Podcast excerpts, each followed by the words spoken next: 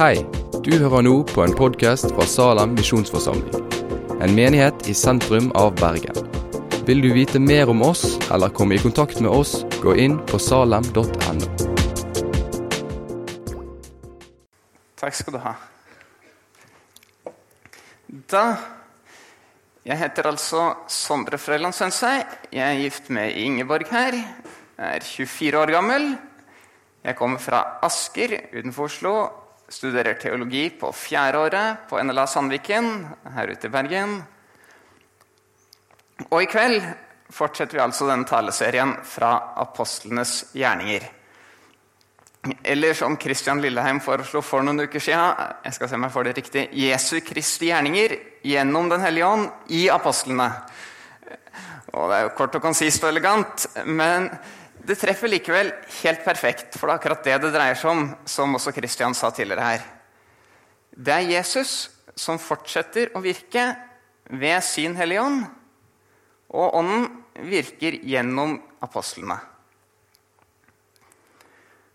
Og Nettopp derfor kan også den boka med god grunn kalles apostlenes gjerninger. Det er Den hellige ånd som handler, men han handler nettopp med apostlene som sine redskaper. Gud bruker midler. Han handler rett og slett ikke ut av løse lufta, kan man si. Den hellige ånd er kort sagt ikke overåndelig i den forstand at han virker gjennom den konkrete og fysiske virkeligheten. Han virker gjennom mennesker, gjennom det talte ordet og gjennom sakramentene. Brød og vin i nattverden, vann i dåpen. Altså dette synlige, hørbare og konkrete kan sies å være like mye åndelig som det usynlige og de tingene vi ikke kan se. Og disse apostlene, som var helt vanlige, synlige, konkrete, fysiske mennesker, de var på en helt spesiell måte åndens redskaper. Derav apostlenes gjerninger. Skjønt, det er jo litt begrensa hvilke apostler vi hører om. De færreste av dem blir nevnt ved navn, utenom i en liste helt i starten av boka. I de første kapitlene er det Peter som spiller hovedrollen. Men fra og med kapittel 7 så tar Saulus, eller altså Paulus, mer og mer over. Noen har derfor litt humoristisk foreslått at boka burde hete 'Paulusgjerningene', siden det tross alt er mest han det handler om.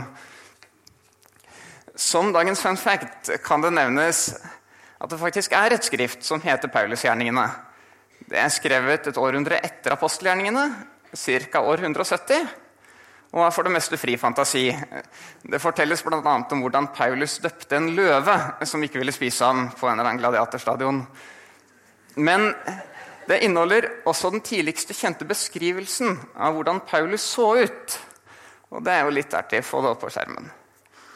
Onesiforus så Paulus komme gående. En mann liten av vekst, skallet og hjulbent, i god fysisk form, med øyenbryn som møttes, og en noe kroket nese. Meget vennlig å se til. For noen ganger så han ut som en mann, og noen ganger hadde han ansiktet til en engel. Og nå vet vi jo ikke om denne beskrivelsen stemmer helt perfekt, men det er en mulighet at den har en historisk rot via noe folk og greier. Men uansett vet vi en del om Paulus, både gjennom det han selv skriver, og gjennom det Lukas skriver i apostelgjerningene, får vi vite mer om ham enn om de fleste personene i Det nye testamentet. Og da er vi framme ved kveldens tema, som er hvem var denne Paulus, og hva utrettet Gud gjennom ham? Paulus kom fra byen Tarsos, som ligger sør i dagens Tyrkia. Hvis dere ser på kartet her, så skal dere få det. Der ved den røde greia. Google kan fortelle at Tarsos for tiden har 245 000 innbyggere og veldig mange veldig gamle bygninger. Tarsos var på Paulus tid et sentrum for gresk og romersk filosofi og skoler og opplæring i dette. Og det var samtidig et stort jødisk samfunn i byen. Altså, så Den gresk-romerske kulturen og den jødiske kulturen møttes sterkere der enn de fleste steder i datidens Romerrike. Ved å være født der fikk Paulus romersk statsborgerskap. Og det vet vi jo kommer godt med flere ganger på misjonsreisene hans. Han fikk sin første utdanning her i fødebyen, trolig i synagogen, men kanskje også noe i de greske skolene. Han lærte i alle fall den greske kulturen, filosofien, litteraturen og retorikken å kjenne. Han siterer f.eks. flere ganger fra greske diktere i talene og brevene sine. Så helt fra den tidlige oppveksten har Paulus vært utrusta og hatt forutsetningene for å kunne være jøde for jødene og greker for grekerne, slik han skriver om i 1. Korinterbrev 9. Her i Tarsos har han også begynt å lære sitt håndverk som teltmaker. Og Vi hører flere ganger i apostelgjerningene hvordan han jobber med nettopp å sy telt for å tjene til livets opphold på misjonsreisene. Den videre utdanningen, trolig fra han var 12-13 år gammel, får han i Jerusalem hos en fariseer som heter Gamaliel. Han sier selv ved et par anledninger at han satt ved Gamaliels føtter. Dvs. Si at han gikk i lære hos denne fariseeren. I kapittel 5 av apostelgjerningene beskrives Gamaliel som en lovlærer som hele folket satte høyt. Han var medlem av Sanhedrin, dvs. Si Det høye råd, jødenes øverste religiøse institusjon. Og der, som Kristian også nevnte for noen uker siden, forsvarer han faktisk apostlene når de blir anklaget og dratt frem for dette høye rådet. Gamaliel er for øvrig en av de få rabbiene fra den perioden som nevnes i senere jødisk litteratur. Så Paulus har virkelig vært elev av en av de ledende lovlærerne på sin tid. Disse rabbiene stilte høye krav til studentene sine. Og Paulus var etter alt å dømme en usedvanlig dyktig student. Han har nok kunnet hele Det gamle testamentet utenat. Han var en fabelaktig teolog. Det ser vi når vi leser brevene hans og skriftene hans. Og Også kristne kan se Paulus som en stor tenker. Det er interessant at det finnes ikke-kristne filosofer i dag som bruker Paulus i sin tenkning. Fordi han faktisk står som en skikkelse innen filosofien også.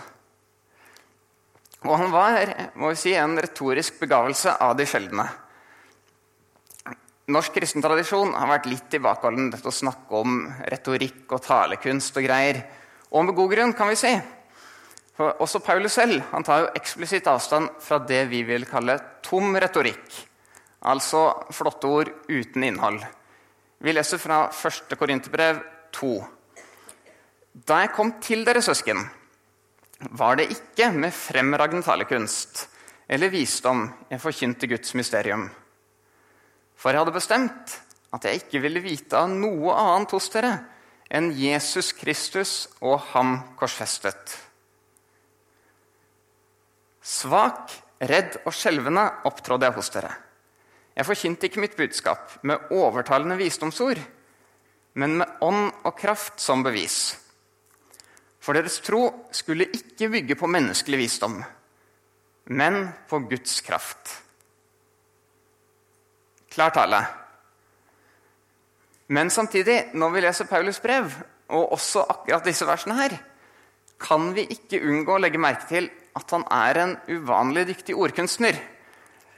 Et av favoritteksemplene mine er fra Galaterbrevet, hvor noen jødekristne grupper krevde at alle som skulle bli kristne, måtte omskjæres.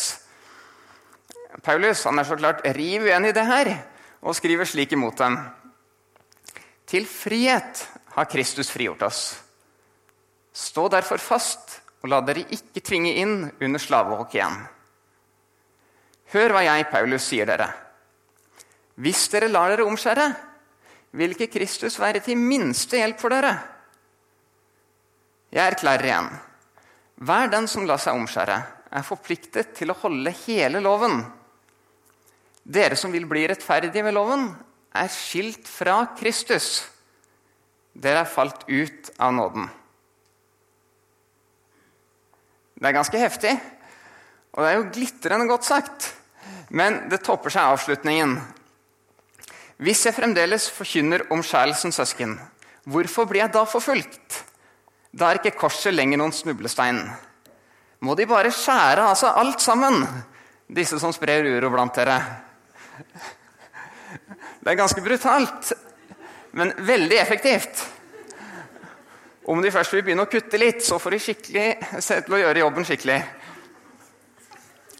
Og poenget mitt er når det gjelder menneskelig utrustning, var Paulus noe ganske annet enn de andre apostlene. Jesu disipler de fremstilles jo som heller trege i evangeliene. Jo da, de lærer, men det går litt treigt med dem. Paulus var derimot, helt fra tidlig av, en stor intellektuell kapasitet. Og en perfekt elev for en stor rabbi som Gamaliel. Og ikke bare var han dyktig, han var også brennende for Guds sak. Han beskriver seg selv som en radikal fariseer. En som gikk lenger i sin jøddom enn de fleste på sin alder. Og han mente altså at det var rett å forfølge veien, altså de som trodde på Jesus. De kristne de spottet jo Gud når de trodde at Jesus fra Nasaret var Messias. Vi møter Paulus første gang i apostelgjerningene 7 under hans jødiske navn Saulus. Der er han enig i at Stefanus, den første martyren, skal bli steinet. Og Han sier senere om dette her, at han forfulgte de kristne like inntil døden. Han fikk dem fengslet og drept. Og så vet vi jo hvor mye Jesus har utrettet gjennom Paulus, som Håvard nevnte her i stad. Og vi skjønner at det var langt fra selvsagt, sånn som han turte fram. Men til tross for at han forfølger dem, så var det nettopp ham Jesus valgte ut. Og Vi skal lese den fortellingen fra Apostlenes gjerninger kapittel 9, og vi leser i Jesu navn. Saulus raste fremdeles mot Herrens disipler og truet dem på livet.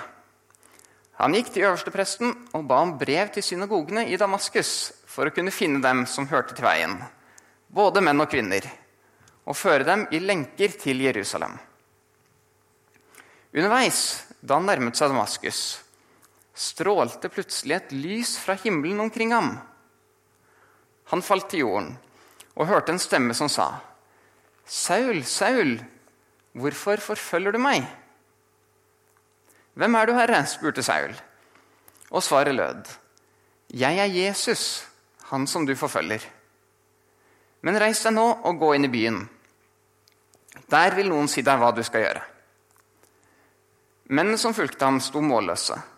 De hørte stemmen, men så ingen. Saulus reiste seg og åpnet øynene, men han kunne ikke se. Så de tok ham i hånden og leide ham inn til Damaskus. I tre dager var han uten syn, og han verken spiste eller drakk. I Damaskus bodde en disippel som het Ananias. I et syn sa Herren til ham, 'Ananias.' Han svarte, 'Her er jeg, Herre.' Og Herren sa, 'Gå bort i den gaten som kalles Den rette.' Og i huset til Judas skal du spørre etter Saulus fra Tarsos. For se, han ber. Og han har hatt et syn og sett en mann som heter Ananias, komme og legge hendene på ham, så han får syn igjen. Men Ananias svarte, Herre, jeg har hørt om denne, mange fortelle om denne mannen og alt det onde han har gjort mot dine hellige i Jerusalem. Og nå er han her med fullmakt fra overprestene for å legge i lenker alle som påkaller ditt navn. Men Herren sa til ham, Gå, for jeg har utvalgt ham som mitt redskap til å bære mitt navn framfor hedningfolk og konger og for Israels folk. Og jeg skal vise ham alt han må lide for mitt navns skyld. Da gikk Ananias, og han kom inn i huset, la hendene på ham og sa:" Saul, min bror, Herren selv, Jesus som viste seg for deg på veien hit. Han har sendt meg for at du skal få syn igjen og bli fylt av Den hellige ånd. Straks var det som om skjell falt fra øynene hans, og han kunne se. Han sto opp og ble døpt. Så spiste han og kom til krefter. Hellige Far, hellige oss i sannheten. Ditt ord er sannhet. Amen.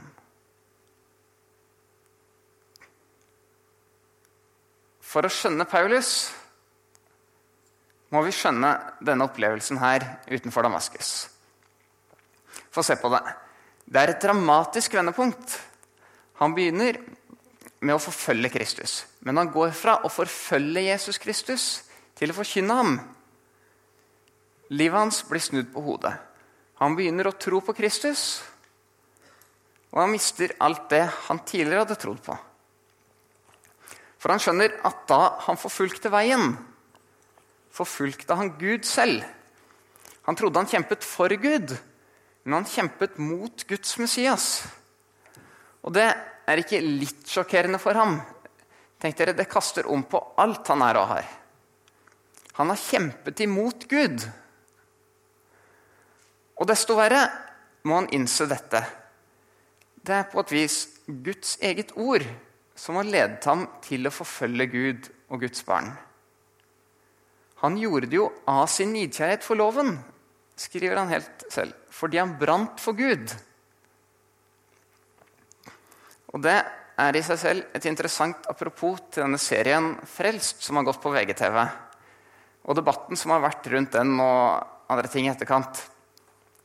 For dette inderlighet, hengivenhet, selvfornektelse Alt det i seg selv er det nytteløst, og det er direkte skadelig om ikke Kristus selv er til stede.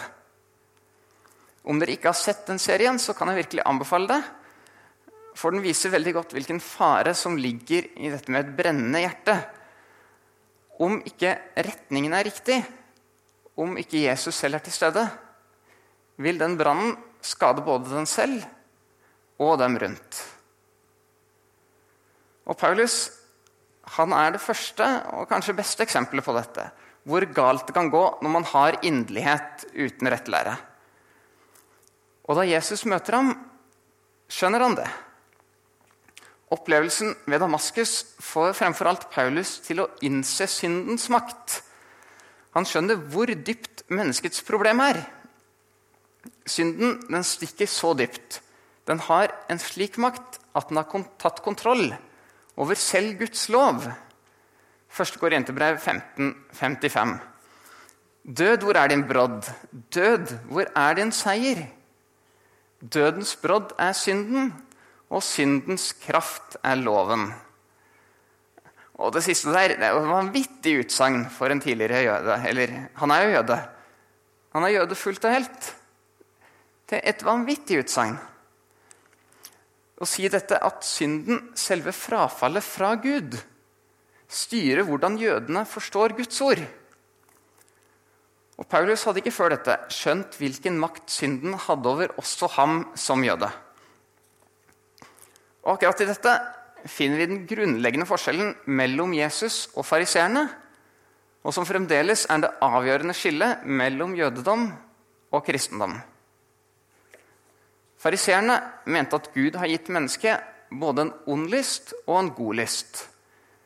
Slik at mennesket, på et vis i hvert fall, kan gjøre godt av seg selv. Men Jesus, og med han Paulus, og senere kristendom, er mye mer radikale på det punktet. Det er én ting som er nødvendig, får Nikodemus høre i Johannes 3. Du må bli født på ny ved vann og ånd. Synden må vaskes vekk. Det gamle må dø, og det nye skal få liv. Uten å bli født på ny kan ingen se Guds rike, står det der. Ingenting annet hjelper. Mennesket har falt fra Gud, har vendt ham ryggen og mistet livet. For å si det med Paulus vi er solgt som slaver til synden, døde for Gud. Og derfor må du bli født på ny ved Guds levende ord, ved vann og ånd.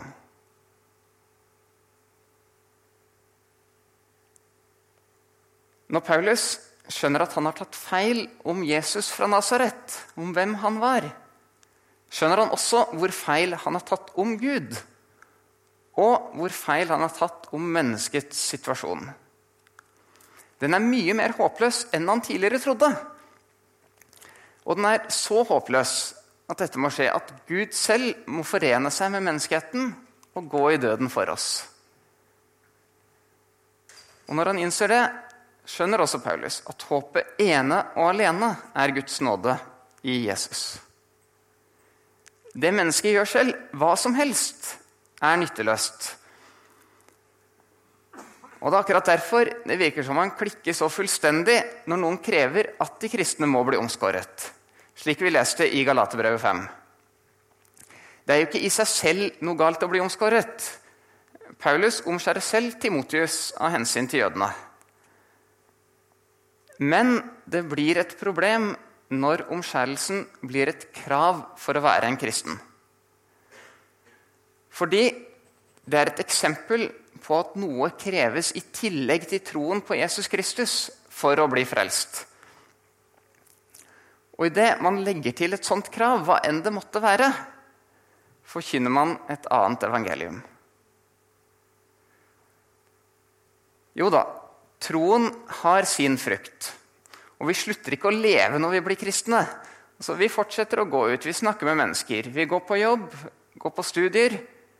Vi hjelper til i menigheten, osv. osv. Vi gjør alt dette her. Troen den bærer alltid frukt, om vi så ikke skulle se den selv. Men den frukten hjelper oss ingenting overfor Gud. Der er og blir det troen alene, Kristus alene, som gjelder. Det var det som gjaldt da vi ble døpt til å være Guds barn. Det er det som gjelder nå, og det er det som skal gjelde på dommens dag.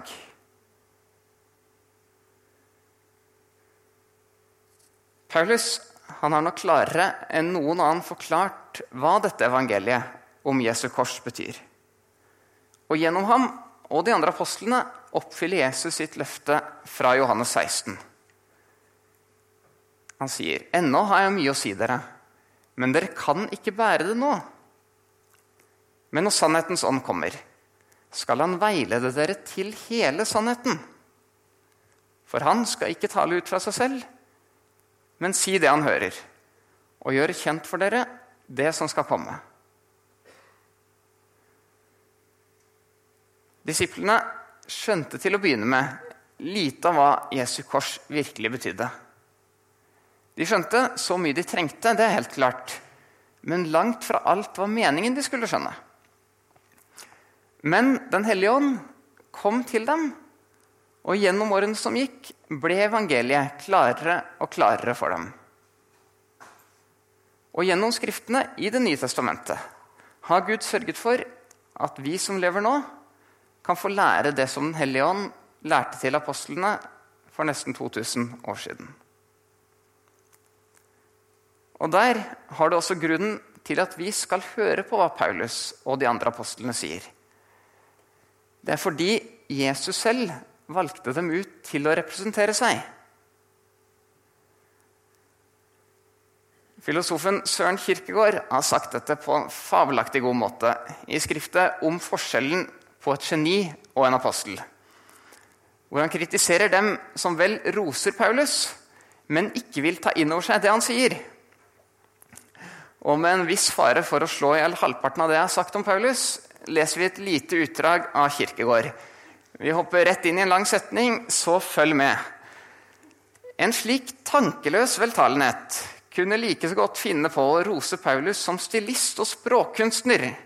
Eller enda bedre, siden det er kjent at arbeidet hans som teltmaker skal ha vært et slikt fullendt mesterverk at ingen tapetmaker, verken før eller senere, har kunnet gjøre noe så fullendt.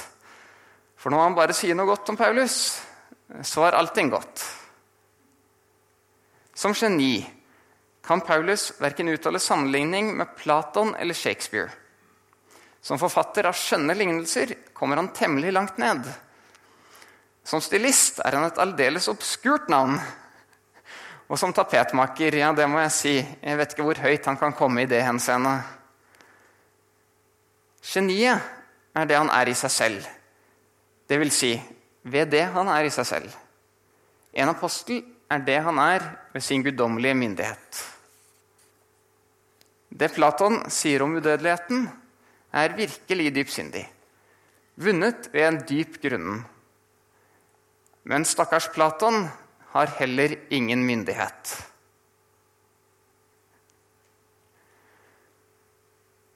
Og på samme måte Paulus kan ha vært så mye geni han bare vil. Det er ikke derfor vi skal holde oss til det han sier. Det er fordi han er Jesu Kristi apostel og taler med Jesu egne guddommelige myndighet. Og utenfor Damaskus ble han altså kalt. Det er en nydelig fortelling, og den viser oss hvem det dreier seg om. For Paulus, der han drar av gårde til Damaskus for å fange kristne, han vil jo ikke tro på Jesus. Ingenting tyder på at han har samvittighetsproblemer for de han forfølger. Han turer frem, han vil kaste dem i fengsel. Han angrer ikke, han vil bare forfølge. Men Gud utvelger ham. Jesus møter ham og kaller ham. Og først blir Paulus knust. Vi ser det. Han mister alt. Tre dager så ligger han blind. Han ligger der uten å spise og drikke. Og Vi kan bare lure på hva han tenkte i den perioden, og hva han var. Men så får han høre evangeliet gjennom Ananias. Han blir døpt, han blir vasket ren og født på ny. Det er forresten interessant at han blir døpt før han står opp og spiser, etter tre dager uten mat. Det sier litt om hvilket behov som er størst. Han ble blind, men fikk syn igjen. Og det er et aldeles nydelig bilde på denne overgangen før til etter. Som fariseer og som forfølger var han blind. Da Jesus tok ham til seg, fikk han se. Dette her, det skjer på en dramatisk måte med Paulus. Men prinsippet er det samme med oss og alle kristne. Jeg regner med at de fleste her er døpt som barn. Og da, helt uten at du kunne gjøre noe til gjengjeld, tok Gud deg til nåde. Også de som har kommet til tro på Gud som voksne, vet hva det vil si å bli grepet av Guds forunderlige nåde. Forunderleg eit vrak som meg, kan nådens kalling nå. Eg var fortapt, men fann ein veg. Jeg som var blind, kan sjå. For å si det med Edvard Hoem i hans gjendikting av 'Amazing Grace'. Vi verken ville eller kunne tro. Men Gud har kalt oss ved evangeliet og født oss på ny til et levende håp. Og tro på Jesus Kristus, vår Herre. Ære være Faderen og Sønnen og Den hellige ånd, som var, er og være skal, en sann Gud, fra evighet og til evighet. Amen.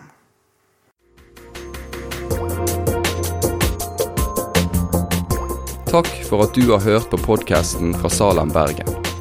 I Salem vil vi vokse i et stadig dypere fellesskap med Gud og med hverandre. Vi vil være Jesu hender og føtter og vi vil være med og forkynne frelse for Bergen og resten av verden. Besøk oss gjerne på salem.no om du vil vite mer.